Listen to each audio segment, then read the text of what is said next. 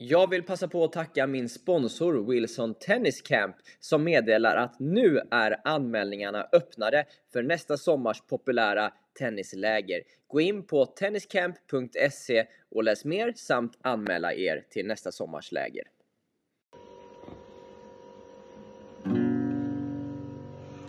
På det tillbaks igen Linus på baslinjen jag sa på det tillbaka igen. Linus på baslinjen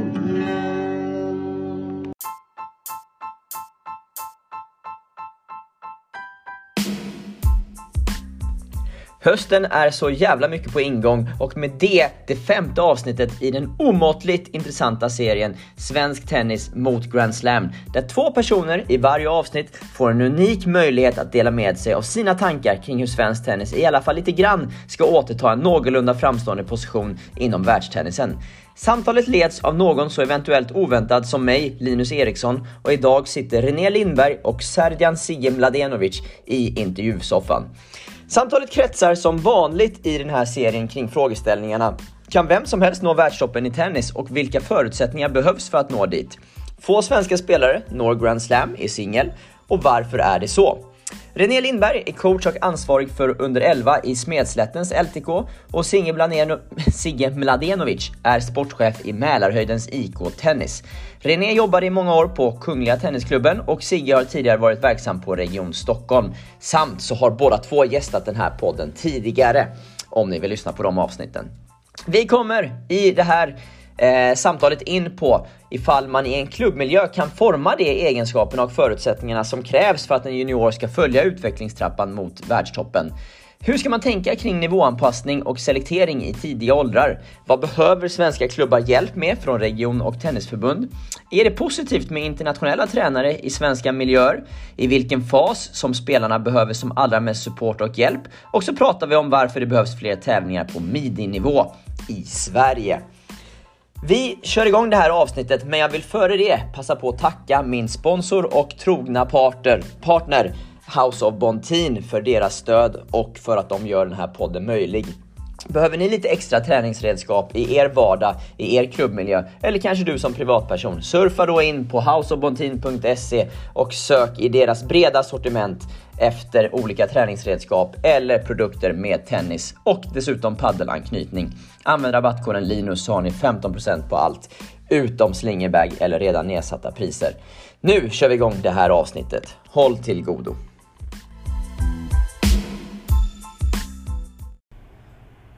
Då är det dags för ett eh, nytt samtal i serien Svensk Tennis mot Grand Slam. Och jag sitter här nu med eh, Sigge Mladenovic, eh, sportchef i MIK Tennis. Välkommen! Tackar, tackar. Och med René Lindberg, eh, tränare och ansvarig för under 11 i Smedslättens eh, tennisklubb eh, från och med hösten. Välkommen du också! Tack, tack. Och vi ska ju eh, cirkla det här samtalet kring frågeställningarna som vi har gjort i, i några tidigare avsnitt. Eh, och vi, vi börjar med en gång här med, med frågan, kan vem som helst nå världstoppen i tennis? Okej. Ja, Ja. ska du börja Sigge? Ja... ehm, ganska svår fråga Linus. Ja, det, det är en av de enklare, det kommer att vara. Det- Så- okej, ja. Nej. Nej, men det är klart att eh, eh, om, om förutsättningarna är rätt Mm. och eh, mycket eh, runt omkring är rätt så kan ju eh, vem som helst nå världstoppen I tennis. i tennis. Mm. Och där är det intressant, för där säger du om förutsättningarna är rätt då. Ja. Mm. Va, va, va, vi kommer tillbaka till det. Vad säger du René? Eh, kan, kan vem som helst nå världstoppen i tennis? Det är en svår fråga som sagt, men eh, jag tror inte att vem som helst kan. Nej, berätta. Ehm, nej, men jag, jag, jag tror att man kan få väldigt många spelare till att bli väldigt, väldigt bra. Mm. Som Sigge säger, om förutsättningarna finns. Om eh, liksom, man skapar sig en miljö där eh, man har de möjligheterna. Ja. Men sen tror jag ändå att det, det finns undantag eh, kring att nå världstoppen. Mm. Däremot så, så gillar jag det uttrycket att man kan ju försöka liksom nå varje spelares liksom, högsta potential. Just det. Men den kan ju ändå skiljas åt. eh, Lite på grund av, det finns även genetik som Mm. spelar roll, men även så tror jag att det finns liksom vissa som, som eh, kanske inte alltid kan nå det. det då har ju alla varit bäst i världen. Mm. Men vad är det för förutsättningar vi pratar om då? Eh, vad, vad behövs det för, för förutsättningar eh, hos en spelare, eh, om vi pratar liksom fr- från, från start till, till liksom en hög nivå för att nå riktigt långt? Va, vad tänkte du på när du sa om förutsättningarna är rätt till exempel? Allt ifrån eh, uppväxt, Mm. träningsmiljö, eh, ekonomi, kultur. Eh, tror jag är ganska viktiga delar liksom, i, i hur, man, eh, hur man utvecklas. Ja. Eh, och då tänker jag att alltså, då skulle ju vem som helst kunna nå världstoppen i tennis. Man skulle kunna Men du tänker att genetik spelar noll roll då? Ja, Ja, jag tänker så. okej. Ja. Hur, hur, hur mycket av de här Men, förutsättningarna... men, men, och då pratar jag eh, kultur, upp, uh, uh, det, uppfostran. Eh, det har ju då med lite grann, är, kommer jag från en, liksom en idrottsfamilj, har vi ha- haft eh, tennis, eh, eh, har vi pushat att spela tennis i vår familj. Eh, då tänker jag att då hamnar då, liksom, då bygger man det här legot, Mm. Helt enkelt. Ja, För att kunna nå. precis. Man behöver varje pusselbit. Man behöver va, va, varje pusselbit tänker jag. Ja, just det. Och de här pusselbitarna då som, som, eh, som behövs. Eh, kan man påverka dem? Liksom, ni båda jobbar i klubbmiljöer. Hur mycket av de här pusselbitarna kan man påverka? Av, av liksom de här förutsättningarna som, som behövs i en setup eller runt en spelares ja, spelarutvecklingen.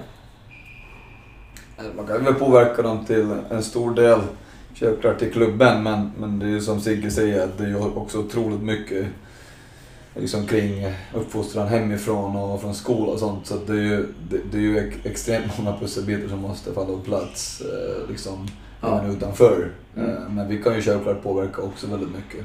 Sen eh, förhoppningsvis så har man ju också spelarna att tillbringa väldigt mycket tid Mm. eh, i klubben. Och ju mer de är där desto mer kan vi påverka självklart. Ja. Som du, du, när du jobbar med, med under 11 nu då till exempel René. Hur mycket kontakt har du med liksom föräldrar när det gäller liksom miljön, eh, hemmamiljön? Om den nu är viktig som en pusselbit i det här. Men nu har jag ju precis börjat, men målsättningen är ju att eh, vi ska försöka eh, liksom, eh, utbilda eh, både genom att, eh, ja, nu kommer vi ha föräldramöte och sånt och informera om vad vi har för, för liksom, eh, aktiviteter och, och, liksom försöka skapa den här miljön som, som barnen vill komma till. Mm. Eh, ett problem som jag ser det i, i tror jag, i, stor, stor, eller i stor del av klubbarna i Stockholm i alla fall, det är att det är många som går på tennis och Mm. inte spelar tennis. Eh, Jag gillar det uttrycket, man går på tennis. Mm. Eh, och, och för mig, Jag brukar säga, går man i simning så drunknar man. Exakt. Nej men, men jag, jag tycker det är så roligt när någon säger oftast går på, på någon sport, då, då upplever jag det som att man spelar en gång i veckan. Mm. Och lite så är det. Och jag, jag tror ju att då, då är det ju omöjligt, eller det är omöjligt att kunna fostra och utbilda spelare på bästa sätt. Eh, och, och det är ju väldigt viktigt att man kan försöka liksom skapa den här, de här förutsättningarna och miljön till att, att spelarna vill komma ofta dit. Att de framförallt kanske liksom fattar att, att för att kunna spela tennis som är en väldigt svår sport, att måste man kanske minst spela två gånger. Och Ja. förhoppningsvis liksom kunna eh, vara med på flera eh, träningar än det och aktiviteter. Så att vi För, får de här för om vi pratar träningsmiljö Ja. hos en klubb i Sverige, eller om nu, nu pratar vi antingen Smedslätten eller, eller, eller Mälarhöjden. Att det vi kan påverka, det är ju, liksom, det är ju träningsmiljön. Mm. Så här, och, och vi kan inte påverka men hur har kulturen varit i den här familjen eller hur har uppfostran varit i den här familjen tidigare. Utan det vi kan påverka med här och nu i den här träningsmiljön. Mm. Och då med den här träningsmiljön, okej vi tycker att vi har alla bitar på plats. Mm. För att man ska kunna utvecklas. Mm. Från, från början till då en Grand Slam. Mm. Då är det vi kan, vad vi kan påverka. Ja. Sen har ju vi också vissa begränsningar. Mm. Det är svårt att påverka hur en familjs eh, ekonomiska status Mm. är. Eller ehm, om man är bra i skolan men behöver lägga kanske mer tid där och då kan man inte lägga på Nej. på tennisen. Ja. Men miljön finns där. Ja. Du menar att man ska fokusera på det man kan påverka? Det man kan påverka är ju, tror jag, är viktigt. För sen så får det här växa fram, Ja. Mm. tänker jag lite grann. Hur tidigt ska man eh, nivåanpassa träningarna då? Utifrån hur långt eh, spelarna har kommit i sin utveckling. Är det viktigt att nivåanpassa? Tänker du praktiskt på banan? Ja, praktiskt på banan tänker jag. Så här, hur tidigt ska man börja plocka ut dem som verkar ha lite mer bättre förutsättningar för att nå riktigt långt? Nivåanpassa för mig är ju mer att, betyder inte att man behöver eh, liksom satsa något mer på någon spelare. Utan det handlar ju bara mer om att försöka liksom, jag brukar prata om att sätta dem i rätt fack. Nej men att, att man kan nivåanpassa dem så att de får samma utmaning. Mm. Så att eh, är du sämre så får du, försöker man eh, nivåanpassa eh, de barnen på, på sin nivå. Mm. Och sen de bättre barnen får utmanas på sin nivå. Men de behöver inte träna mer för det. Sen så tycker jag att det är absolut viktigt att se att någon som har eh, liksom mera glöd och, och, och liksom är, är mer taggad och, och gillar att spela tennis. Klart, de ska liksom på sikt få mera eh, möjlighet att träna mer självklart. Men, men däremot så, så när de är riktigt små så måste man ju också till en början för, liksom, försöka skapa det intresset. Mm. Och då handlar det mer om nivåanpassa liksom med metodiken och vad man är på banan. Sen Okej. är det klart, eh, allt eftersom så får man ju se vilka som är mest intresserade och taggade. Ja. De skulle kunna få mer. Jag är då sedan ett år tillbaka även fotbollstränare, Linus. Ja, vad spännande. Ja. Jag glömde presentera dig som fotbollstränaren Bladén. Yes. Mm. Så då har jag fått en liten inblick i hur det är i fotbollen. Ja, berätta. Ja, men då, då kan jag tänka att så här, det är mycket enklare i tennis att nivåanpassa. Jaha. Eh, vi har tre banor här i Mälarhöjden Mm. och så tränar eh, 12 stycken eh, 10-åringar. Ja. Alla är på lite olika nivå. Mm. Men det går ganska snabbt att rotera runt och justera. Du har tre tränare. Mm. Eh, Även om du har två tränare så kan man köra lite liksom olika stationer eller olika nivåer. Och är, har du en dålig dag så kan du spela på den här banan och bättre dag på den här. Det går verkligen att rotera runt Mm. Mm. och utmana alla. Men på fotbollen så har du då 24 barn Mm. som ska spela i ett fotbollslag. Du har en, en fotbollsplan och alla är på helt olika nivåer. Mm. Men du måste ändå köra samma övningar. Kan man ta stationer där också då? Det blir väldigt svårt. Varför då? Ytor.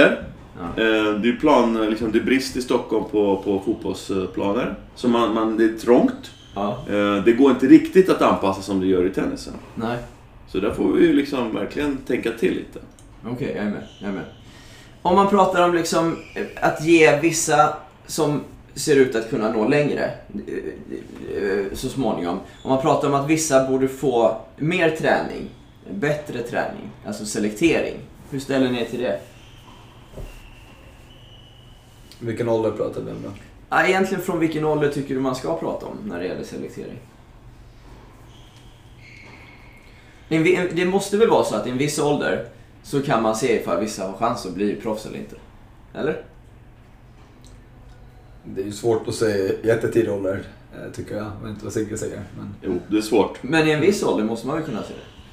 när de kommer upp i åldrarna, ja. Eh, Men då skulle jag nog säga... Alltså, det är klart man ser eh, vissa som, liksom när de är under 10, som är mera liksom tävlingsinriktade och, och, och är mer intresserade och så. Men däremot så har jag ju sett exempel också där, där det kan vara, vara spelare som har blivit mer taggade och, och, liksom tycker att det var roligare när de kommer upp lite i åldern. Mm. Men däremot så tror jag att, att om du ska bli, vi pratar om den till topp 100, så Mm. då kan man ju inte heller liksom hitta glöden för sent. Så det är klart att nå- nå- vi, vi, det finns ju någon brytpunkt. Ja, det är det jag menar. Ja, men, liksom. men då skulle ändå säga att då pratar vi kanske om liksom 12-13 någonstans där. Och Så fram till 13 tänker du att alla ska få samma? Nej, inte, alla behöver inte få samma. Men jag menar, jag tycker det är svårt att säga att men du kommer att bli bäst i världen. Kan man inte säga att den här spelaren har potentiellt chans att bli bäst i världen, men den här har nog inte chans att bli bäst i världen? Det är klart att det finns eh, liksom vissa spelare man, man kanske kan se eh, lite tydligare på som kanske kommer ha bättre förutsättningar. Men, men jag tycker att eh, ett land som Sverige som vi har otroligt få spelare också så tror jag att det är bättre att tänka att, eh, att flera ska med på tåget. Däremot så, så, så jag tycker redan från ung ålder så kan jag tycka att man kan försöka om man har möjlighet. Nu är det ju det här med barnresurser och, Mm. och de, de eh, Mm. eh, vad heter förutsättningarna. Men däremot så tycker jag att man ska ge utrymme för de som tycker att det är roligt att spela tennis och är intresserade och vill, vill ha många timmar och man ser att det finns den glöden. Ja. Att de ska få möjligheter till det.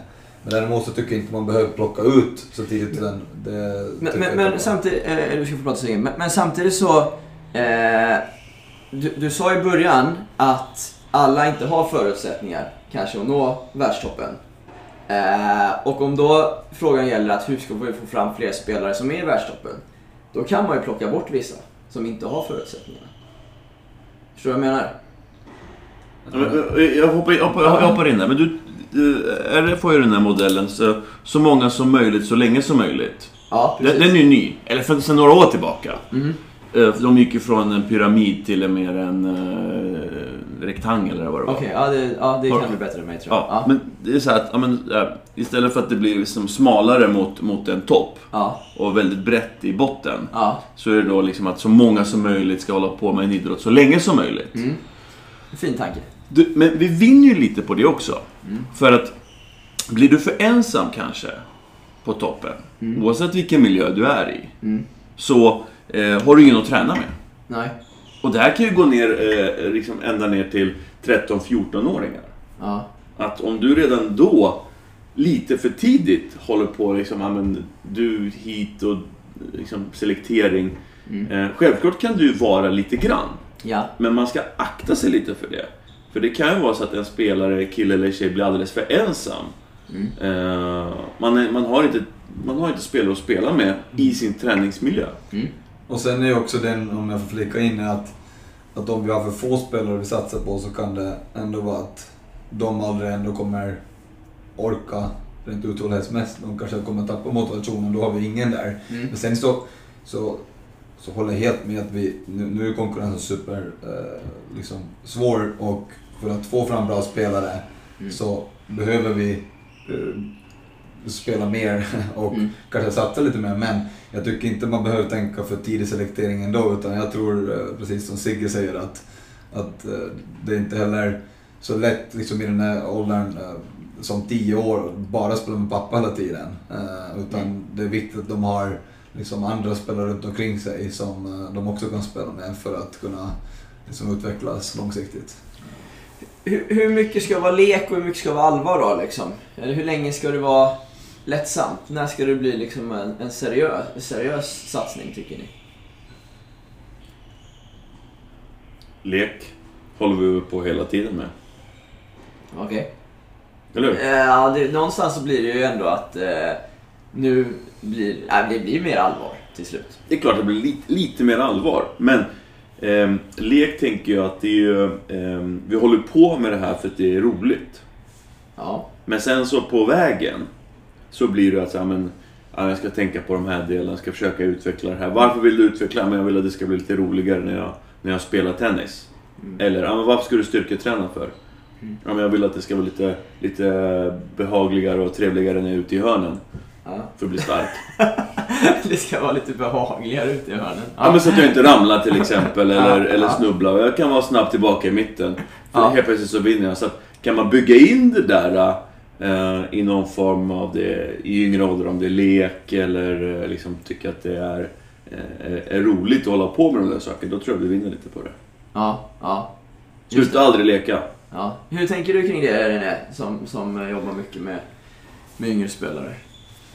Nej, men jag tänker ju också eh, hålla med med Sigge, liksom att, att det är klart att att man måste ha roligt på vägen och, och, och ju yngre de är så, så blir det ju eh, självklart lite mer lekfullt men, men samtidigt så tycker jag det är viktigt att, att man liksom behåller eh, tennisen som eh, liksom kärnan att, att fast vi gör saker som kan vara roligt på en träning Mm. så vill vi ju fortfarande tänka utveckling. Mm. Så att sen gäller det att skapa liksom, övningar eller liksom ett, ett upplägg på träningen där vi kan få båda två. Ja. Eh, men eh, liksom genom att eh, försöka utgå mycket från spelet självklart och, och få dem att liksom lira Ja. så, så, så kommer de ju tycka det är roligt. Sen får man inte liksom glömma bort det viktiga, att, vad, vad vi utvecklar hos spelarna.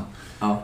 Sen, sen är det klart att liksom, det kommer ju liksom, någon punkt när man blir medveten själv om vad det är som krävs från, från, från liksom mig själv som spelare Ja. för att jag ska ta nästa steg. Men så länge de är barn Mm. så förstår de inte riktigt det. Då handlar det ju om, liksom, för oss som ledare Mm. att skapa de förutsättningarna genom, ja, eh, genom att ha roliga och lekfulla övningar som ändå strävar till utveckling. Sen så kommer vi ju komma upp i en ålder, som till exempel nu har jag lite hand om fysen också i Smedjeslätten där, men, men, men om jag har liksom någon spelare som är lite yngre, så då måste ju försöka skapa eh, de fysövningarna lite mera liksom, lekfulla och roliga. Mm. Men där jag ändå vet att fokus ska ligga på att de ska bli starkare till exempel i, Mm. i, i, ja, i benen säger vi. Ja. Men där jag sen då om jag har en, en, en spelare som är 14, då kan vi ändå börja liksom snacka om att okej, eh, får man kanske vara lite mer på att okej, nu, nu har du verkligen valt att vara med på den här fysen, alla får inte den chansen och nu är det Mm. liksom det här vi tränar på. Då, då kan det vara kanske lite, liksom, ska vi, kan man ställa kraven lite högre för då är Mm. spelaren mer medveten om det också. Just Jag det. tycker också en viktig del att komma ihåg att alla som är barn så är det otroligt lätta att jobba med. För att de, de, de alla tycker nästan det är roligt. Det finns, alltså det, det är ju, man får ju så mycket glädje från dem. Men sen när du kommer upp i åldern i puberteten, då börjar ju spelarna själv bli medvetna om saker. Då är det inte lika lätt med att alltid, för då börjar de ha sina egna eh, liksom, åsikter och, eh, och sånt. Ja, jag är med på vad du menar. Ja. Mm. Du sitter och ler där Sigge. Nej, men jag, jag, jag tänker lite grann att eh, när, när, eh, nu byter jag tema helt, när, när padden har kommit till Sverige Mm. så ut, man, man börjar liksom bara, bara spela. Mm. Det var skitkul. Mm. Hela Sveriges befolkning spelade och hade roligt på paddelbanan. Men sen Mm. skulle man utvecklas och då började man träna. Då började man smasha och köra eh, volleys och... Korgdrills. Korgdrills helt plötsligt. Mm. Hur kul kommer det liksom vara då? då? Du, du drar par- parallellen till att och nu har spelarna börjat hoppa av. För man, man, det är ju själva spelet liksom, utmaningen som är ja, det, det, det, det roliga på något sätt. Ja, jag förstår. Och, och helt plötsligt så ska du köra viboras och bandejas och, eller eh, slice eh, i, i korg. Ja. Då kanske Ja. fler droppar av. Ja, men jag förstår hur du menar. Eh, ja, ja, kanske. Så tennisen, det är ju spelet vi vill komma åt. Mm. Eh, om vi då, du, du gick upp lite, du började nämna 14-åringarna och så ni är här. Eh, om vi tar Sigge först här. Hur, hur anpassade är liksom klubbmiljöerna till att kunna erbjuda liksom det som spelarna behöver u- högre upp i junioråldrarna på en resa om man har som mål att nå Grand Slam som senior sen? Hur, anpassar är svenska klubbmiljöer till att ta hand om spelaren under den här resan? Ja, det, det är väl upp till varje, var, varje klubb liksom och i och med att det finns olika förutsättningar i, i, i hela Sverige. Mm. Men det man kan göra, eh, eller så har vi tänkt lite grann att, eh, eh, att det ska finnas en, en, en miljö, återigen, där vi har allt på en plats. Det ska vara lättillgängligt att boka en bana, att ha en tränare på, på, på banan. Mm. Eh, Du har ett, en en idrottsplats kanske utanför, eller ett gym. Så har ni inte tänkt, hallen. det har ju bara blivit så. Eh, tror du?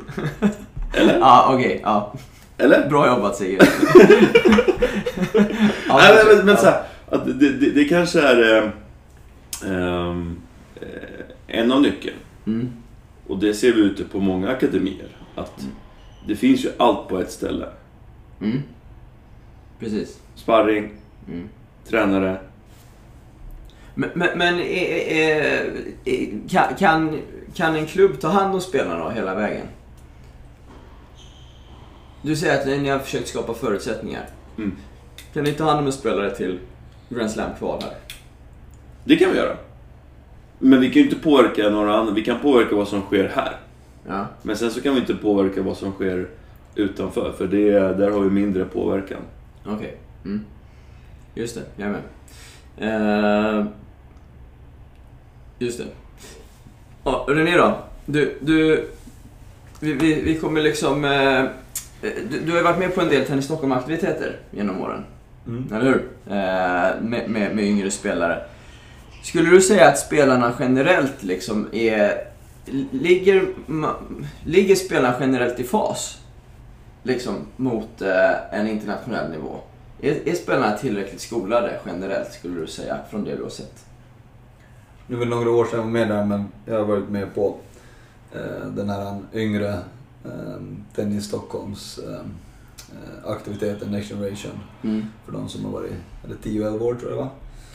Eh, Man kan ju säga, du har varit mycket tävlingar ute i Sverige också. Ja, Så- det är så liksom liksom sånt också. rent Ja, men jag tänker generellt okej. Ja. Ja. Nej, men, eh, det finns ju vissa spelare i varje årskull som eh, självklart eh, eh, ligger på en, på en bra nivå. Men jag har ju sett för lite eh, liksom utomlands eh, kan jag ärligt säga. Alltså, Mm. Jag har ju varit för lite liksom, har kollat på de bästa juniorerna i, i världen. eh, Mm. För att säga bara vilken nivå som krävs. Men sen är det ju som sagt igen.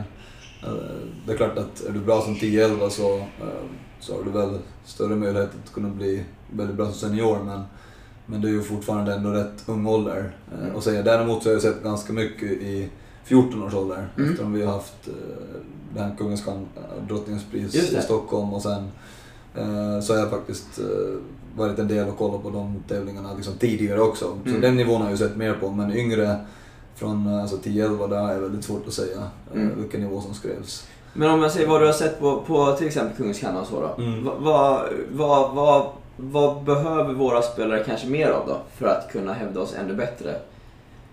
Det som jag tycker, vad jag liksom har eh, upplevt från, från sidan när jag sett de bästa i, i 14, det är ju att de är så otroligt allround. De, är, de har inte liksom, jag kommer ihåg när man såg han Kesmanovic till exempel, det här var ju ganska länge sedan, men som ändå en etablerad topp 100. Mm, han Eh, lyckades. Men, men, det- men där tycker jag liksom att det är tydligt eftersom man dessutom känner en Dejan lite och Mm. vet hur han har jobbat. Men, men just liksom deras filosofi och de jobbar med honom när han var i den åldern. Att han hade ju inga svagheter. Han hade liksom, det är som ett allround-spel. Han kunde spela forehand bra, han kunde spela backhand. Hans forehand var kanske den han dominerade med men det var, han har ingen svaghet i backhand. Mm. Hade bra serve i den åldern, liksom hade ett tydligt spelmönster. Fysiskt rätt stark, Mm. eh, mentalt. Alltså, det, det kändes som att det, det var en, en yngre version av Mm. en... eh, En, Vad en, han är idag.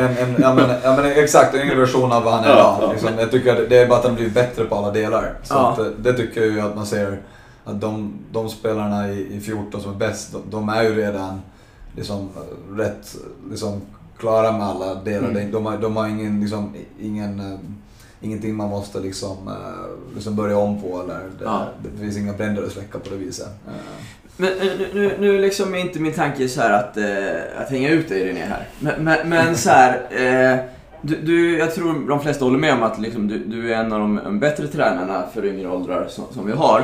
Samtidigt säger du så här att ja, men i 10-11 års ålder, jag vet liksom inte hur det ser ut utomlands. Du vet ju inte vad vi jämför med då. Så här. inte det ett problem också? För, för om inte du vet det så vet troligtvis inte så många andra det heller, tänker jag, i, i Nej, Sverige. självklart. Det skulle säkert göra jätte eh, mycket att kunna åka iväg och kolla också lite mer sådana tävlingar. Däremot så är det också så att jag tror ju inte heller att eh, alla i de åldern eh, är ute och tävlar liksom på... Okej, du ser säkert Tennis Europe 12 så det är säkert många men, men det är väl ganska många som eh, kanske inte heller... Det är svårt att säga men det, det skulle säkert göra... Jag tycker till exempel de när jag var på eh, akademin i, i, i, Nice där på Monotoglo till exempel. Eh, när de här eh, Ten Pro-tävlingarna, de är rätt Ja. bra. Där är det ju liksom inte de bästa men får du se lite i alla fall utländska spelare så kan Mm. man snacka lite med tränaren och så vet man att ja, men de kom, kom med sina bästa spelare från det landet och sådär. Så, så lite grann har jag sett men, men det är klart att det skulle, skulle säkert vara bra att eh, få kolla mer, absolut. Eh, Men jag tänker, det är väl ändå viktigt att vi tränare vet var liksom, ribban ligger någonstans? Eller? Det är klart vi måste veta vad, hur det ser ut Ja. och vad man ska sikta på och vad vi har att möta där ute. Jag tror det. Eh, tänker jag i alla fall. Va, va, va, vad tror du Sigge, så här, om man pratar kanske upp i, i junioråldrarna. Va, vad tror du är det som händer som gör att liksom, vi har lite svårt att, att, att guida spelarna vidare mot Grand Slam när de kommer upp i åldrarna lite mer? Jag, jag, jag Om du det- håller med om att det är så? Ja, det, det, är, ju, det är ju svårt. Ehm, och du har ju haft tidigare gäster i dina poddar som när ni har diskuterat eh, de ekonomiska resurserna och Mm. ekonomiska förutsättningarna. Mm. Och här just nu i, i, i, i klubben där vi är Eh, så har vi haft spelare då som kommer och så väljer de liksom okej, college eller eh, så känner de att jag, jag vill prova ett år eller två eller tre och spela för nu har jag haft skolan och ja, så här. Och då, då landar vi i så här, okej vad, vad, vad kommer kal- kalaset kosta? Hur ser det ut? Ehm, och antingen så tar det stopp där. Eller så känner vi så här, men nu kan vi göra det här med lite små medel. Hur kan man göra det med små medel? Ja, men då, då gör man det inte fullt ut kanske. Man, Okej, man, man, men- får välja, man får välja lite veckor. Eh, inte ha kanske ledare med sig. Eh. Det blir lite billigare. Man får åka väldigt mycket själv. Eh, Va, får- vad gör ni i klubben för att hjälpa spelarna med de ekonomiska bitarna? Det vi kan göra är ju att, att på något sätt göra att eh, en, en ledare är med ibland. Mm. Som, som hjälper till. Mm. Eh, Vi kan hjälpa till att eh, söka sponsorer. Mm. För det kan vi göra bättre tillsammans. Mm. eh, Gentemot en, en, en spelare och det, det varumärket som, som, som partner eller sponsorn så vi vill, vill liksom hjälpa. Mm. Eh, Men också att eh, se till att träningen på hemmaplan antingen är kostnadsfri Mm. eller till en del, okej, ska representerar man herrlaget? Vad ingår då i det? Så att, och det är små medel Mm. att försöka liksom få till det här. Mm. Okej. V- Vad... ehm, Så det är bara ekonomiska bitarna som saknas då egentligen? För att vi ska nå Grand Slam med fler? Men det, det, det, det är klart att man, man måste ut och tävla. Mm. För att eh, här kan man ju inte vinna några Grand Slams i M- Mikallen. Nej. Utan vi måste ut och tävla och vara ute många veckor för att få en känsla hur det, hur det känns. Mm. Ja. Be, be, Okej, behövs, skulle det behövas... ehm, vad, vad behövs mer i strukturen då inom svensk tennis för att hjälpa klubbarna med att kunna hjälpa spelarna i sin tur? Eller tänker du att varje klubb ska klara det på egen hand? Med en spelare upp till Grand Slam-nivå? Men det måste vara ett samarbete mellan eh, region, förbund, eh, familjer och klubbar. Mm. Det är, jag tror omöjligt att göra det helt själv. Mm. Utan det måste ju finnas, eh, i alla fall till en början, stöd från, från alla de här bitarna. Mm. Att, ja, men ibland är det, är det förbundet som är, har någon resa och samlingar. Ibland är det regionen som ser till att eh, man är med två veckor i Grekland. Ja. Om vi, om vi pratar den, den nivån. Så ja att vi, vi säga. ska prata mot Slam. 15 000 i början, 25 och, och, och, och, och sen uppåt då. Ja. Eh, Och sen förhoppningsvis kval till Stockholm Open och sen att man vinner Stockholm Open. Ja. Eh, Så måste ju alla vara med på tåget. Mm. Är det så idag eller? Inte riktigt. Vad, vad saknas då? Eller vad behövs? Ett, eh, Du har jobbat på region också och, och liksom eh, är ganska väl insatt i hur saker ser ut. Någon som samordnar här. Okej. Någon organisation. Någon person. Ja. Jag vet inte, jag har inte svarat på det. Nej. Som samordnar all, eh, alla samarbeten i landet, eller? Ja, men det finns ju regioner. Ja. Och regionen behöver hjälpa till att samma, eh, ordna samarbeten mer. Varför inte? Okej. Just det. Och sen har vi då förbundet som också skulle kunna göra det på kanske lite högre nivå. Ja. ja. Vi, om du bara, kan du nämna några samarbeten som du tror hade hjälpt då liksom? Säg, säg, tänk era spelare till exempel. Vad hade du liksom eftersökt? Ehm, Så här, Sigge, vad behöver ni för att få fram fler spelare till Grand Slam-nivå? ja, någon som hjälper till med en, hur man ska tänka på en planering. Mm. Någon som säger, kan guida hur vi ska tänka kring de ekonomiska bitarna. Mm. Eh, Någon som kan hjälpa till att ordna resurser för de ekonomiska bitarna. Ja. Eh, Du är liksom ett nätverk av experter eller eh, hjälp liksom, som man kan vända sig till. Ja. Mm. Just det. Och det finns små saker. Det är inte så att vi, det, är liksom, det är noll på den fronten. Nej. Men någon skulle behöva liksom sy ihop den här kostymen nu. Mm. Jag har, jag har ju tänkt själv lite det eh, i och med att eh, jag, många av personerna som jag har haft med här har ju liksom varit experter på olika områden. Då har jag tänkt så här, kan man skapa ett nätverk av sju av de här personerna Mm. som man kan liksom, som är kopplade till svensk tennis. Ja. Som olika personer kan vända sig till och få lite hjälp med olika saker. Det har hjälpt jättemycket tror jag. För vi, Eh. kan ju hela tiden gå tillbaka och titta så här, men hur gjorde den här spelaren i Sverige? Hur gjorde den här spelaren i Sverige? Eh, och det finns ju massa dokument och hur man har tävlat för att kunna komma till en viss nivå. och Vilka tävlingar man har spelat för att komma till en viss nivå. Eh, och det finns ingen väg som är den rätta vägen. Eh, men, men, Men det finns man- vägar som är mer vanliga än andra. men, men det finns vägar som är vanliga och skulle man ha då någon som man kan då tydligare då bolla med eller liksom fundera med och ja men fan, aha, ska ni dit? Ja men då åker vi dit. Alltså här, så att det finns ett, ett, Just ett, ett nätverk. Vad tänker du René? Nej men eh, jag är ju inte eh, kanske lika eh, inriktad på, på de äldre och så. För att ska, skapa det. Men jag tycker det låter klokt som Sigge säger. Man behöver ju, alltså som klubb, eh, nu är jag inte 100% insatt än eh, i, i Smedslätten där. Men, eh, Men du kan tänka, du jobbade på Kungla innan, där var du insatt. Ja men exakt. Eh, nej men det är ju att få uh, självklart stöd eh, på olika sätt. Eh, ekonomiskt behöv, behövs det ju stöd och sen nu var det ju förstås eh, för Sebastian och de här bästa som är på akademin så fick ju stöd via den. Mm. Så de hade möjlighet, jag menar ut, alltså de förutsättningarna han har haft har ju varit eh, väldigt bra. Ja. att han har kunnat åkt ut på resor. Nu löste ni ju mycket av Ja. ert stöd på egen hand. Exakt, eh, exakt. Men alla klubbar har kanske inte Ja, riktigt men det vi tänker nätverket utifrån klubbperspektiv så, och jag menar bara om vi tänker bortsett från akademin som vi hade, så Ja. det är klart att det är ju en resursfråga att vi behöver ju någon som kan åka iväg på tävlingar. Eh, Mm. Och då blir det ju någon tränare som behövs på hemmaplan istället. Så att det är ju en, en tränarresursfråga självklart. Eh, det är ju viktigt att eh, kunna följa med på tävlingarna Mm. eh, med spelarna. Mm. Eh, Sen får man ju försöka då hitta någon bra plan på det. Mm. Eh, liksom hur många tävlingar ska man åka med som tränare men att eh, den här åldern behöver ju ha någon med och dels också för utvecklingssyfte så Mm. måste man ju få se dem i match. Mm. Eh, Så att eh, det är ju det är en viktig fråga men jag, jag kan ju tycka samma som Sigge liksom att eh, kan man hitta liksom hjälp från experter i olika områden Mm. eh, som, som kan liksom stödja och, Mm. och, och hjälpa att man får någon sorts ramverk kring hur man ska kunna jobba. Men, men då kanske de här experterna finns då, om vi pratar internationell tennis. ehm, om vi pratar att det finns eh, olika nationella center, regionala center där man kan komma åt den här expertisen. Mm. Eller expertrådet som har dels gjort det här både på fyssidan, på tennissidan, på tävlingssidan, på det ekonomiska. Mm. Att, att, att kunna komma åt det Mm. som spelare hade varit väldigt värdefullt. Ja.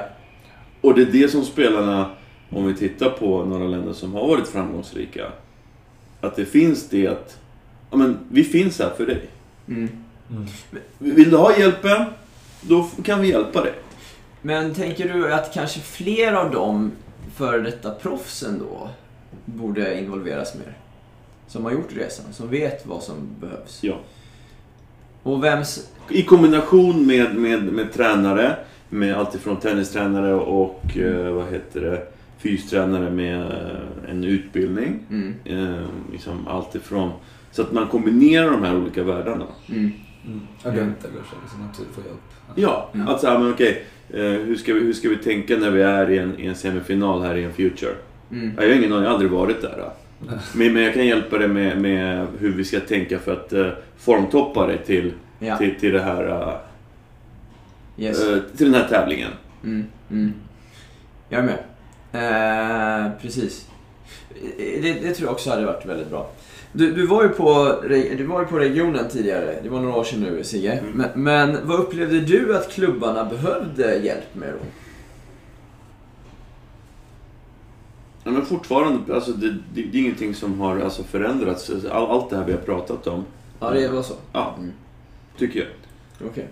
Men det, har, det som har ändrats, det är att eh, i Stockholm så har ju Per och Anders och, och Tennis Stockholm, de har ju ett, eh, kan man säga, ett mini-regionalt center. Just det. Med sina gymnasie och elitträningar Med sina gymnasie och elitträning som de kombinerar ihop på Salk. Ja. Och det har ju varit eh, väldigt värdefullt för, jag pratar från, från Ja. min sida, Ja. att, att veta att spelarna är där. Mm. Tisdagar och torsdagar. Och nu har vi möjlighet då, de som kan spela till och med två pass tisdag, torsdag. Just det. Eh, Alltså två pass per dag. Mm. Så det har ju varit väldigt värdefullt. Och då tänker man ju så här. Tänk om det hade varit så varje dag. Från tidigare åldrar också. Ja. Mm. Jag bara, bara spekulerar eller så här. Ja, men, Ja. Åh, drömmer, drömmer mig bort. Mm. Tänk om det hade varit så. Men då Men hade det håller jag med om, jag kan flika in där, men då, då när jag jobbade på Kungliga hade vi ju samarbete med en, en skola där bredvid Mm. som låg precis bredvid hallen. Mm. Och, och några spelare som, som gjorde det valet att välja den skolan gjorde en otrolig liksom, skjuts framåt i utvecklingen de åren när de eh, gick, det var ju under högstadieåldern då. Mm. Eh, där de fick eh, två pass i veckan. Eh, lite liknande då liksom som det här eh, nio då. Men eh, de hade möjlighet och så var det också, de kom dit på morgonen, var pigga och fräscha, eh, Mm. var inte trötta liksom och, och kunde fokusera väldigt bra. Och så hade man ganska mycket tid med dem. Det, var en och en halv timmes pass i lugn och ro liksom. Mm. Två med veckan och sen hade de sin eftermiddagspass. Det gjorde ju extremt mycket. Ja. Eh, Så att jag tror ju också mycket på det här med, för barn i alla fall, som går i skolan, att, att ibland kan få pass på, på morgonen och förmiddagar gör jättemycket för de, jag upplever att, eh, att de är mycket mer koncentrerade. Mm. Eh, Och, och det är lättare att nå dem. Eh, Innan, eh, de ja, är trötta nå efter dem rent skoldagen. mentalt tycker jag. Sen, sen, sen kan det ju vara att det kan vara lite segare vid eh, Kanske liksom att de inte kommer igång och så, men det är ju en vanlig sak också. Så här. Men jag tycker att det är ju väldigt, väldigt bra om man kan få till det mer. Ja, och då, där har vi då också exemplet. Så här, vi har ju ganska många som är där på träningarna. Mm. Och så här, kan vi hålla igång så många som möjligt som är hemma och är sparring åt andra som kommer hem och vill träna. Mm. Spelar ingen roll om man är då eh, 150 i världen så kommer man så vill man spara med en junior.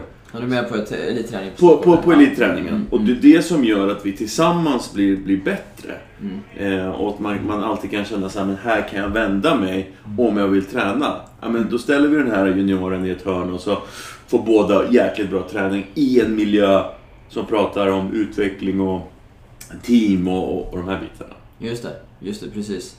Eh, Så Anders och Per och Stenny Stockholm och gänget där, de har ju någonting lite på gång. Ja, just det. Eh, precis. Sen blir det lurigare i, i, när man vill komma ner i åldrarna i och med att det blir en logistisk fråga också. Att ta sig och hinna till skolan och man bor i olika delar av stan och så vidare. Om vi Absolut. pratar om Stockholm. Om vi pratar om Stockholm, men, men, men eh, vi kanske också... ehm, Och- Men det är egentligen samma i andra regioner, bara att där måste man åka från andra städer kanske till Ja, ett center. yes, Då blir det nästan yes. ännu krångligare. Mm. Eh, Men du tror på regionalt center i alla fall? Jag tror på det och, och, och sen att eh, det då tillsammans med, med ett nationellt center liksom samarbetar. Mm. Eh, För det nationella centret har ju säkert då med både eh, ett, ja, som Davis Cup och damerna, att, att så här, liksom just att Mm. samarbeta där. Just det. Det ligger väl i Game Change-planen, så innan 2030 så står nationella centret klart. Ja, Kanske. men det vore ett fantastiskt lyft. Ja. Tänker jag. Eh, vad är förbundets ansvar liksom, när man pratar om spelarutveckling? Eh, och att ta fram proffsspelare så småningom. Mot en Grand Slam. Ja, vad har Svenska Tennisförbundet för ansvar där? Jag vet inte vad de har för eh, plan där till 2030. Eller ingår det något där?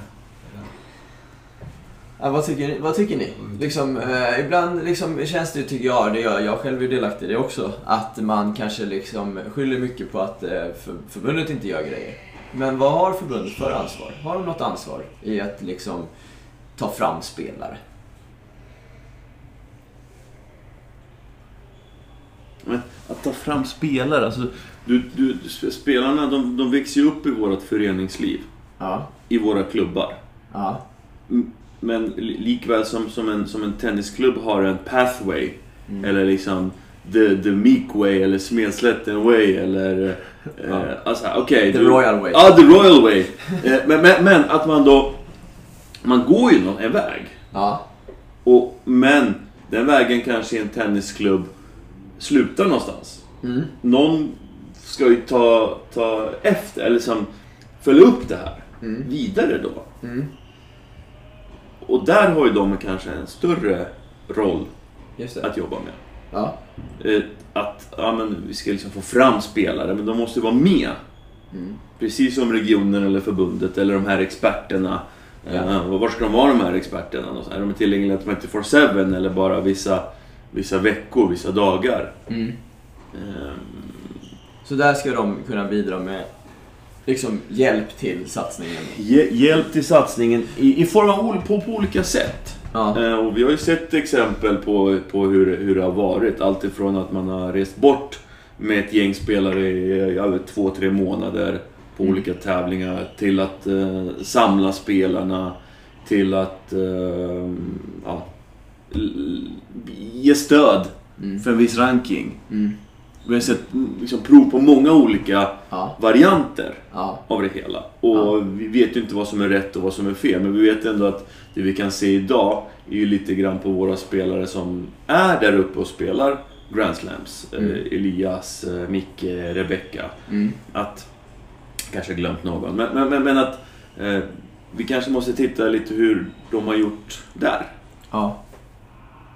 Vilken hjälp har de fått? Hur har det sett ut? Ekonomiskt, tränare. Ja. Jag är med. Jag är med. Eh, precis. Ni, ni, ni, ni, Mik, ni, ni, har ju prov, ni har provat liksom former av elitträning på dagtid och, och jag vet ju att eh, liksom under din tid Sigge att det har satsats på olika sätt så här. Men det har inte riktigt resulterat i någon Grand Slam-spelare.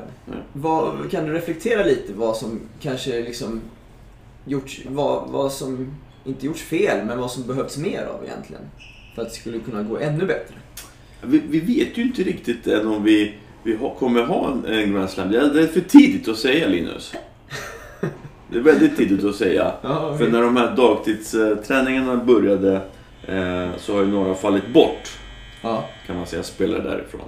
Av olika Så anledningar. då har det ju något, det inte gått som tänkt. Ja, fast det är, ju, det är ju då några spelare som är kvar.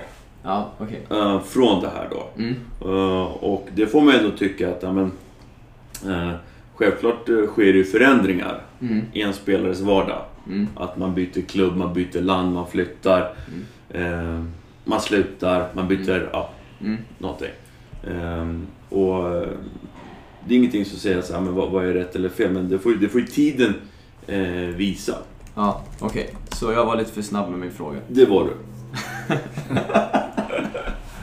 ja, vi, vi måste ha roligt också. Ja. Ja. Eh, eh, jag, jag går tillbaka lite eh, till eh, li, lite med de yngre åld- åldrarna igen. Eh, eh, och då vänder jag mig till dig först René här. Tävlingsstrukturen för juniorer har ju diskuterats lite till och från de senaste åren. Vad är dina tankar kring vad man skulle kunna göra för att ännu förbättra liksom, sättet vi tävlar på? Eh, från, ja, under junioråldrarna i olika faser. Har du några tankar kring det? Nej, men där finns det ju en del att jobba på. Dels så, så ska man vilja se eh, att det finns mera tävlingar generellt eh, på, på orange nivå framförallt. Eh, Ja. där, där finns det inte supermånga tävlingar. Och sen att man, eh, man även på något vis ska kunna, jag vet inte vem, vems ansvar det blir och så, men jag, jag upplever bara från, från liksom klubb, eh, klubbperspektivet att att eh, vi säger att man har en filosofi att vi jobbar med, med, med de olika bollarna. Och sen så, så ser vi liksom verkligheten på ett sätt att okej vi, vi jobbar med orange här på träningen nu med den här målgruppen. Och sen när de väl ska ut och tävla då är det en annan boll de måste anmäla sig till. Att där, där, där, där skulle vi vilja ha att det finns möjlighet att ma- man ska kunna liksom synka mera eh, Mm. liksom, så som eh, det ser ut i träning kontra tävling så att Mm. man ska kunna liksom få kunna maxa mera utifrån de olika stegen man tar i sin utveckling när man Mm. är under 11. För där är det ju väldigt mycket med, med de olika bollarna banorna och man ska lära sig väldigt många saker och ta med sig liksom Mm. vidare framåt Mm. eh, i sin verktygslåda. Mm. Och, och då blir det ju att det blir en liten bromskloss för att man kanske får in en, en liten procent av det i träning men sen väl när, när de inte tränar och kommer ut och ska börja tävla så är det oftast, till exempel tar vi det, eh, den, det glappet däremellan när man tränar mycket med orange boll till exempel Mm. så, så finns det inte så jättemycket tävlingsklasser på, Mm. på orange boll Mm. ute i, i, i Stockholms, eh, i alla fall regionen. Så där skulle jag vilja se en förändring att det ska finnas lite mer tävlingar eh, på orange. Eh, och sen eh, skulle jag också vilja att man skulle hitta något sätt där vi, eh, man ska kunna på något vis göra lite som det är i Estotor Tour Team nu till exempel, att det finns en, en, en, en, en guld och, och silverserie, att man på något vis kunde kategorisera. För att, sen tycker jag att det är viktigt också för de som, som är nybörjare eh, lite mer och inte tävlar så mycket, att de ska också få möjlighet att spela kanske eh, liksom en tävling på orange nivå. Men sen har vi spelare som kanske har gått igenom röd nivå och, och verkligen liksom eh, även spelat mycket matcher där, men sen kommer över på orange och de behöver ju också få tävla och utmanas på sin nivå. Mm. Så man hittar någon sorts eh, nivåfördelning i de olika tävlingsklasserna också. Så. Okej. Eh, jag har ingen bra Men det är konkretitet. upp till tränaren att avgöra det då, eller? Antingen skulle man kunna, där jag tänkt lite olika själv, så här, antingen skulle man kunna som tränare då liksom anmäla spelarna själva i rätt eh, form av eh, liksom, nivå, Mm. eh, eller klass. Mm. Eller så, eh, så, så behövs det finnas, som det är i, i A, B, C-klasserna högre upp, att man anmäler sig själv och sen försöker man som tränare på något vis utbilda föräldrarna då att vilken nivå spelarna har då. Mm. Så att man ska kunna få de här liksom, utmanande Mm. liksom, klasserna så att det inte blir för stor skillnad. Jag upplever till exempel att eh, i, i FSO-torerna, tortävlingarna, så blir det lite blandad nivå. Jag tycker de är superbra de här där det finns orange och, och röd och, Mm. och grön. Men där blir det att, nu, nu har jag dock inte haft, eh, varit med på en sån tävling på länge, men, men då för några år sedan när jag var lite mer så kan det vara att man hade någon spelare som var ganska långt fram på orange till exempel. Mm. Och, och, och så kanske man spelar mot någon som, som inte har tävlat så mycket och har så mycket erfarenhet. Då blir det ju inga roliga matcher. Utan då ser jag liksom det, det som eh, liksom nästan bättre att den spelaren ska gå till grön i så fall. Då tappar vi det här igen vad de ska lära sig och utveckla i spelet. Men, men tror du att eh, om, om tränare ska avgöra vart, vilken nivå eller klass spelarna ska spela i. Tror du tränarkompetensen är tillräckligt hög för att kunna avgöra det? Ja, man, är man eh, liksom på banan eh, liksom med eleverna så ser man ju eh, den nivån förhoppningsvis. Liksom. Men Ja. Sen är det svårt förstås att bedö- göra en bedömning om du inte är på banan med dem. Då är det supersvårt. Där måste man ju ha, tycker jag, en ansvarig som, som väl ser dem på träning. Mm. Men det, svår, det, svåra, för, förlåt, men det svåra kommer bli att du har ju en, en bild, Ja. en bedömning. Yes. Och, den, och sen ska jag ha också Ja. en. Och sen kommer jag, ska Och så du och så en annan från Jag säger inte att det här är rätt väg, men att hitta någon Det- sorts ja. form av tävling Ja. som, nu var bara ett exempel, Ja. eller att Mm. man kan ha ABC på något vis. Att, Ja. att man i alla fall inte bara har en klass. För jag tycker att det är ju som när, när, man bedriver en träning så har vi ju olika, Olika- nivåer. ja, ja, exakt, exakt. Och, och, och sen så tycker jag också att en, eh, en form av att spela mycket mer team också, lagmatcher, hade Mm. varit kul. Jag gillar ju det. Jag, jag tycker typ mycket om att köra klubbmatcher. Mm. Där det kan vara att man spelar singel, men räknar ihop som ett lag, eller så kanske det kan vara lite dubbel, det kan vara lite blandat. Och där är det ju också lättare Jo. att slänga ihop de bättre Ja. mot de sämre. Så att eh, det finns säkert olika sätt, men, Ja. men i alla fall, om jag nu bara ska understryka det, så är det ju att det behövs fler tävlingar på orange. Ja. Det är ju det som Ja, det jag liksom har saknat mest under de här åren som jag har jobbat med de yngre. Att det behöver finnas fler tävlingar och även på på röd nivå, men där tycker jag kanske behovet inte lika mycket för att där tycker man kan göra jättemycket inom hemmamiljön och spela mycket matcher.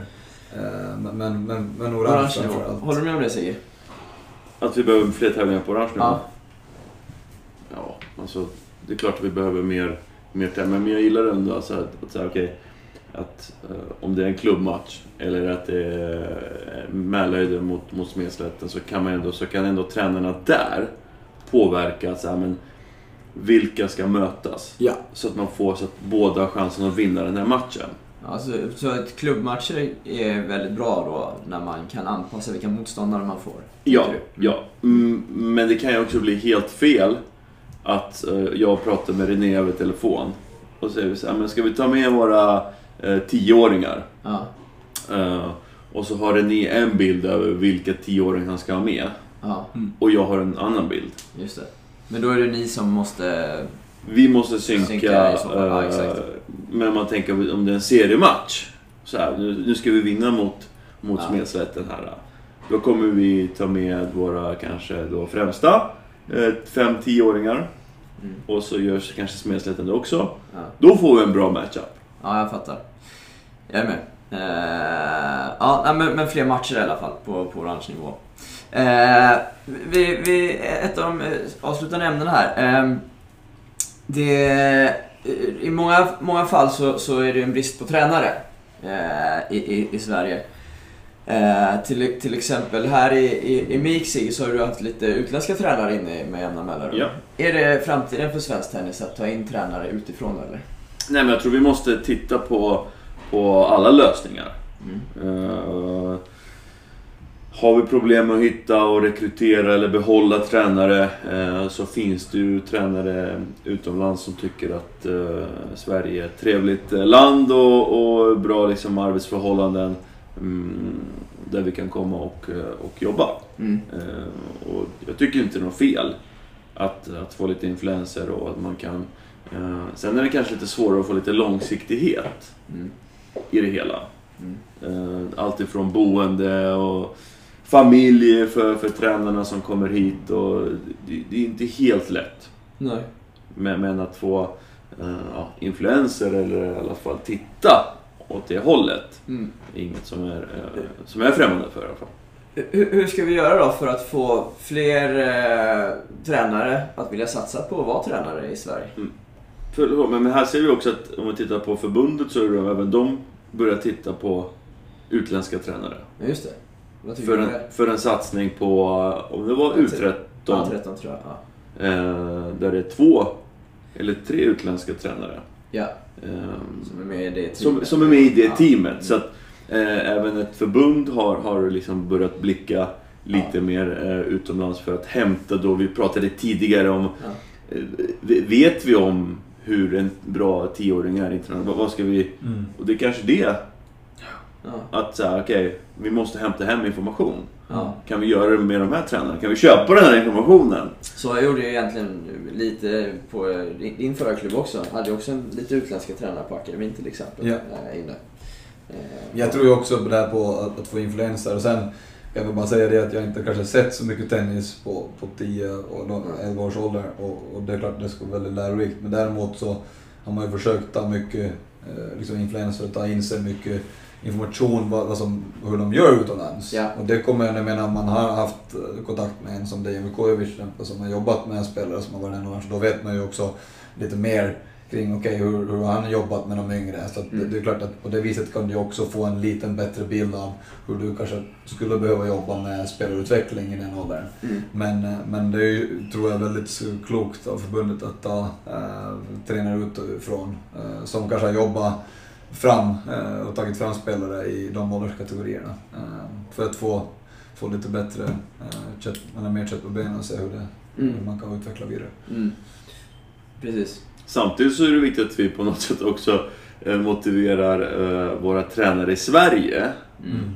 känner jag. Att så men, det finns en, en möjlighet om man är en, om jag nu kör, nu ser man inte mina fingrar, eh, citat, eh, yngre tränare. Ja. Behålla dem liksom kvar och tycka att det är liksom roligt att göra den här resan och komma tillbaka till sin hemmaklubb och vara supermotiverad. Mm. Ehm, tappar vi några platser där? Hur gör ni här då med att eh, försöka rekrytera tränare? Tränare? Ja. Ja, alltifrån att eh, vi, vi har interna utbildningar, interna liksom, träffar eh, för att liksom, skapa det här intresset.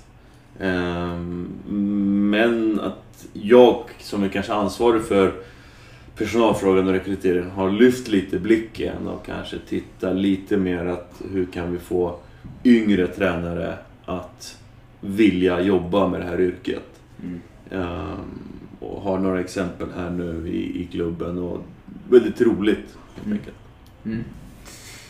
Eh, ser det ljust eller mörkt ut för svensk tennis inför framtiden tycker ni? Lite grått kanske. Nej jag skojar bara. Men, men, men, men, men jag- bara typ, ett, intressant fråga. Ja. Eh, René kommer inte komma undan sen heller, du kommer också svara. men det, det är ju så Det här. var lång tystnad där. Ja, så här, Sigge börjar rita här nu. Han tror att det, är liksom, att det här filmas. eh, Men, Nej, men jag, jag ritar lite för att ni, ska se. Ja. Och då, då, då pratar vi om, om en juniorålder här. Då. ja. Är det där den gråa zonen eller? Ja, men från, från, tio, från tio år, det, det skulle kunna vara från, från sex år. Ja. Så här, här gäller att skapa ett intresse då för, för liksom själva tennisen och om Ja. man vill tävla. Sen har vi en otroligt lång period från, från to- 12 säger vi till 18 år. Ja. Där vi ska behålla en spelare och utveckla en spelare till att bli en, en eh, nationell, till och med en internationell spelare. Ja. Men sen kommer det ytterligare en period Ja. som är efter det här. Ja. Som är extremt svår om vi ska prata om, som, som temat var det här, mot, mot en Grand Slam. Mm. Ja, men oavsett om man har varit liksom där, men okej, alltså självklart finns det, just- jag vet att några tidigare den har pratat om att det finns en statistik, har man varit topp 20 på Tennis Europe, så finns det viss eh, chans att eh, nå topp 10 Ja. eller topp 100. Och det, det stämmer ju, för om, om, det, liksom, om det finns och spelare har lyckats. Mm. Eh, men den svåra perioden kommer då efter, ja men säg 18 år, eller efter gymnasiet. Mm. Hur gör vi då med, Ja. med, med, med våra spelare? Helt plötsligt kommer de ut då och så finns det ett par vägar att gå. Ja. Eh, och, och, så att Och vad ska vi göra då? då? Vad, vad behövs efter 18 där då? en plan. Och vi har ju berört ganska mycket om allt ifrån nationella center till eh, experter till Ja, eh, ekonomiska förutsättningar Ja, för att kunna göra det här. precis. Ehm, det är ingenting som, som eh, hindrar att en spelare som har varit, eh, säg under hela sin junior topp 10, precis där, eh, men blir ensam kvar i Sverige och ska spela. Men alla andra kanske har åkt till, till USA. Ja. Det är inget som säger att den här spelaren inte skulle kunna lyckas nå en Grand Slam. Nej, Eller spela på, som proffs. just det. För det finns så många olika vägar att, att gå. Ja, jag är med. Men, men så vad är ditt svar på frågan då? Är det ljust eller mörkt? Ja, men det, det ser bra ut. Nej, men det är jättesvårt att säga, Linus. Ja, men vad är din känsla? Så här. Att vi har någonting på gång. Ja, vad säger du René? Jag säger så här att jag försöker personligen... Så här, så otroligt luddiga svar jag får. Nej, men jag, nej, jag, personligen, nu utgår jag från, från min egen känsla. Ja. Jag tror att går man in med inställningen till att man, Mm. man jobbar hårt varje dag oavsett om man får grupp på banan och Ja. bara gör järnet. Ja. Och när, du, när vi pratar om små barn så kan det vara att de kan välja fotboll kanske, Mm. eh, någon annan sport. Då kan vi fånga upp de där som är bolltokiga och tycker det är roligt att tävla och allt det. Vi liksom från första liksom, träningen när vi ser dem, Mm. men bara visar att liksom, tennis är det roligaste som finns som vi går in och, och bara jobbar och gör järnet så kanske vi att få, få fram nästa, nä, nästa kärna. Och det är det som handlar om. Och sen även att vi, vi liksom hela tiden strävar till att bli bättre och försöka jobba hårt och vara positiva framåt. Sen är det klart det te- Tennisen är en tuffare sport nu, det är hård konkurrens. Det, det, det är så otroligt mycket svårare Mm. att nå fram liksom hela vägen till topp 100, Mm. tror jag, Mm. jämfört med hur det var jag har inte växt upp i Sverige men hur det var liksom långt tillbaka och även redan bara tio år sedan. Det, det, känns som att det blir tuffare till när fler länder konkurrerar, det blir mer globalt allting. Ja. Men sen tycker jag också att så förbundet nu tar fram liksom en plan till 2030, den liksom långa planen. Och sen med utbildningssystemet, det nya som Ja. jag är lite involverad i också, så här, Ja. tycker jag ser väldigt bra ut. Så jag tycker det finns många, många bra saker. Eh, Men, men där vi hela tiden måste vara på tårna och, och liksom, liksom hela tiden tänka, tänka framåt och hela tiden liksom vara hungriga till att eh, liksom, försöka jobba. Och det krävs ju från alla. Det krävs ju att vi alla liksom varje, varje dag försöker göra vårt bästa för att, eh, för att utveckla spelare. Så, så tror jag att man, eh, nu är jag väldigt positiv här. Ja, men, men du säger att man ska fånga upp de som är bolltokiga och så vidare. Ja. Behöver man inte liksom samla dem för sig då? Tidigt? Och det jag inte sagt emot. Nej. Men så du håller med mig där? Absolut. Alltså, det, det har jag inte sagt emot en enda gång. Jag Nej. tycker att eh, jag tycker, jag tycker man kan träna hur mycket som helst när man yngre. Ja. Jag tycker att man men på sätt och vis kan selektera. Det är inte det. Men jag tycker inte ordet selektering är ett bra ord. Vad ska vi jobbar använda då? Nej, men alltså, om vi har en träning så, så, så selekterar man ju i princip för att man... Tennis är Man ju en sport. Ja, men- tennis Ja. är ju en sport. Det är det som är det svåra. Fotboll till exempel. Eh, Jag har dottern också går fotboll. Där kan det ju vara att det är klart du kan vi- vi- viss selektering där också. Eh, Men där kan du ändå dribbla bollen bo- själv och göra mål och, och så får du liksom vara kungen ändå. Men i tennis, om jag är bäst och så spelar man den sämsta, då blir ju inte jättemycket bättre.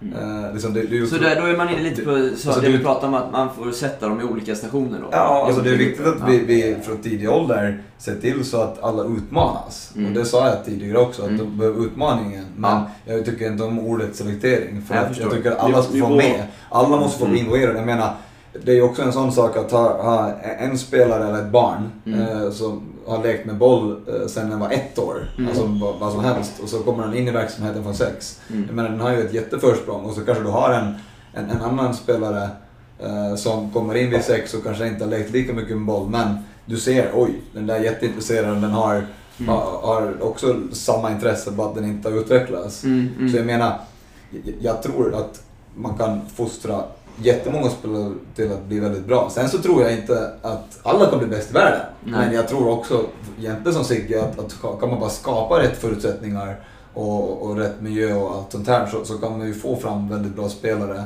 Ja. eh, från tidig ålder. Men, eh, men det handlar ju väldigt mycket om eh, liksom, hur, hur vi kan skapa de eh, förutsättningarna och de miljöerna. Ja, jag är med. Slutligen här så vill jag från, från båda av er så vill jag att ni nämner två saker var som ni tycker behöver liksom förändras i, i liksom här och nu i svensk tennis liksom ganska omgående för att vi ska nå ännu längre fram med våra spelare. Jag kan börja där. Ja. Tränarbristen är viktig.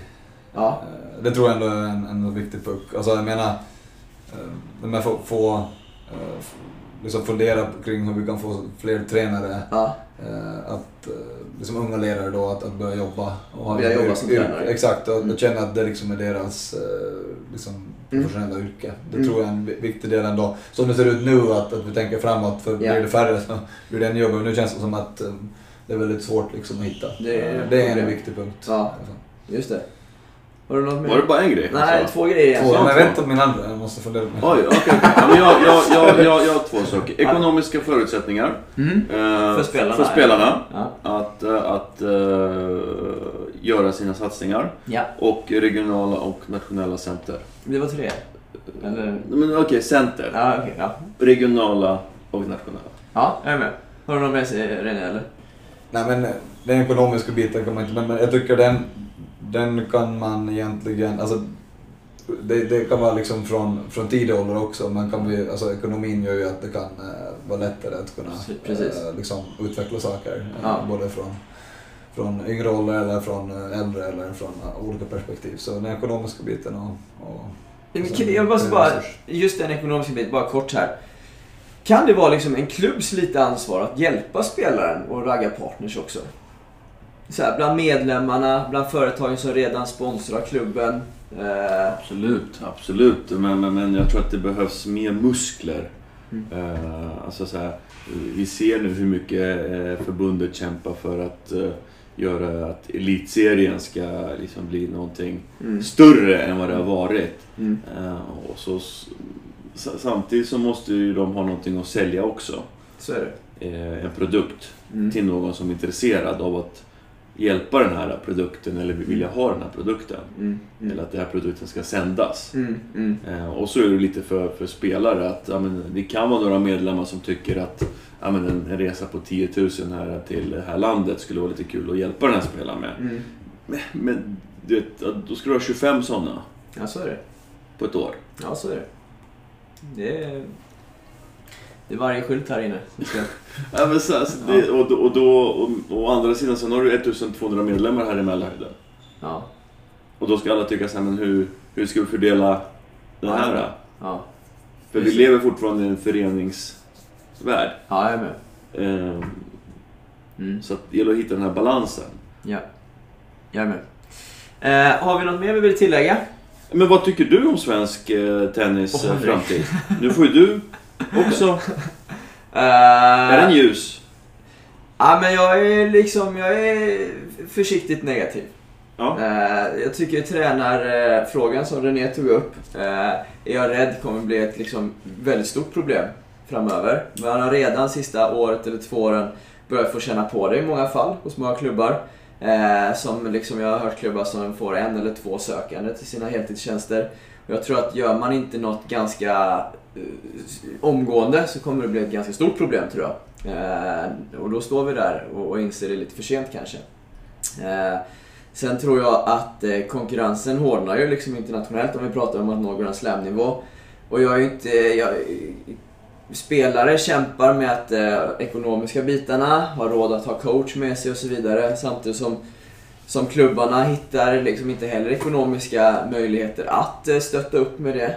Eh, och, jag tror att när akademier utomlands i, större grad kan hjälpa spelarna on the road, när Sverige inte kan göra det, så tror jag det är tufft för spelare att slå, slå igenom. Tror jag. Eh, och, och sen tror jag att det här med att många spelare åker över till college, det är också ett problem som kommer eh, kanske växa så länge vi inte kan hitta möjligheter för spelarna på hemmaplan till ett bra upplägg. Eh, för då förstår man att spelarna flyger över. Och det vattnar ju ur svensk tennis. Här. Vintertorerna, sommartorerna, ja, vintertorerna framförallt har ju inte varit svagare än någonsin tror jag. Sen jag föddes i alla fall. Än vad det har varit senaste året. Men då kanske, förlåt om jag avbryter dig där, men, men att då, då finns det ju inget system som gör att vi tar hand om spelarna i Sverige när de kommer hem. Nej, det finns det college. inte heller. Nej, exakt. Alltså, men okej, vi, vi, eh, det, det är kanske ett nytt eh, fenomen eller Ja. ett, ett nytt eh, problem eller en ny möjlighet. Det är olika hur Ja. man ser på det. Ja. Eh, vi har väldigt många svenskar som åker iväg. Ja. Men när de kommer hem så är det... De kommer ju komma hem, Ja. men vad händer sen då? Ja. De har ju tränat kanske mer än någonsin, Ja. har en utbildning i bagaget, Ja. men de som vill fortsätta att spela, hur tar vi hand om dem då? Precis. Är Eh, de, går de tillbaka till klubbarna? Blir de tränare? Ja. Eh, eller får fi- andra jobb? Eller ja, vad, vad, vad, vad är det som... Så jag tror att där, där står vi då, att efter junioråldern, när de, man ska få spänska, vill du gå pro eller vill du gå till college? Eh, då, då är det många spelare som känner att jag har inte en tillräckligt bra setup för att stanna hemma, så jag åker över till college. Egentligen skjuts ju bara problemen upp fyra år, för sen när de är klara på college så har de fortfarande ingen hjälp med setup hemma. Så jag tror där behöver ju, där tror jag kanske att eh, förbundet behöver ta ett större ansvar. Jag anser att det är förbundets roll där att, att hitta, eh, att skapa en hjälp för spelarna som faktiskt vill försöka slå igenom. Eh, det, det tror jag. Löser vi det så kanske vi kan gå från, från mörkt till grått. Men eh, ja, det är lite som behöver göras tror jag. Jag, jag vill bara avsluta och säga att eh, det kanske är slut här på podden och den här delen. Men du gör ett fantastiskt jobb med alla de här delarna Linus. Tack så mycket. Och kul att du på något sätt har lyft frågan kring, kring svensk tennis och eh, de här bitarna på ett väldigt proffsigt och bra sätt. Tack så mycket Sigge. Du var den första gästen i den här poddens historia. Ja. Eh, Så vill lyssnare lyssna på den så får man gå tillbaka. Och René har också varit gäst tidigare. Så, så det avsnittet ligger också i biblioteket. Eh, Men tack killar för att ni var med den här gången. Tack! Tack!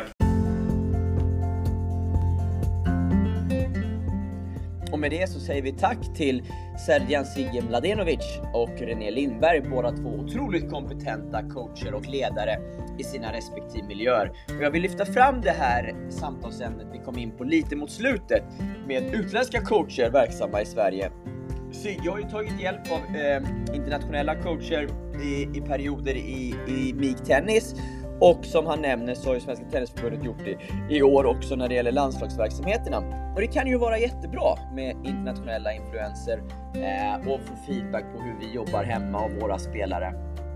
Men vi ska ju också veta att när vi tar in utifrån så försvinner ju också chanser att boosta upp våra egna unga hungriga coacher som verkligen vill satsa på det här yrket och skulle fått en jätteboost av att få vara med på några landslagsaktiviteter. Om det finns en plan för det här så är det ju superbra. Men eh, om det inte finns en plan, då ställer jag mig lite skeptisk för att stå och kasta bollar 3-4 dagar några gånger per år. Det tror jag att även våra yngre coacher hade klarat av. Så eh, det hade varit kul att, att höra lite mer om vad tanken verkligen är av att, eh, eller med att ta in lite andra coacher från andra länder i landslagsprogrammen i år. Hur som helst, tack så mycket för att ni lyssnade på det här. Har ni inte lyssnat på de tidigare avsnitten i den här serien Svensk Tennis mot Grand Slam så gör det.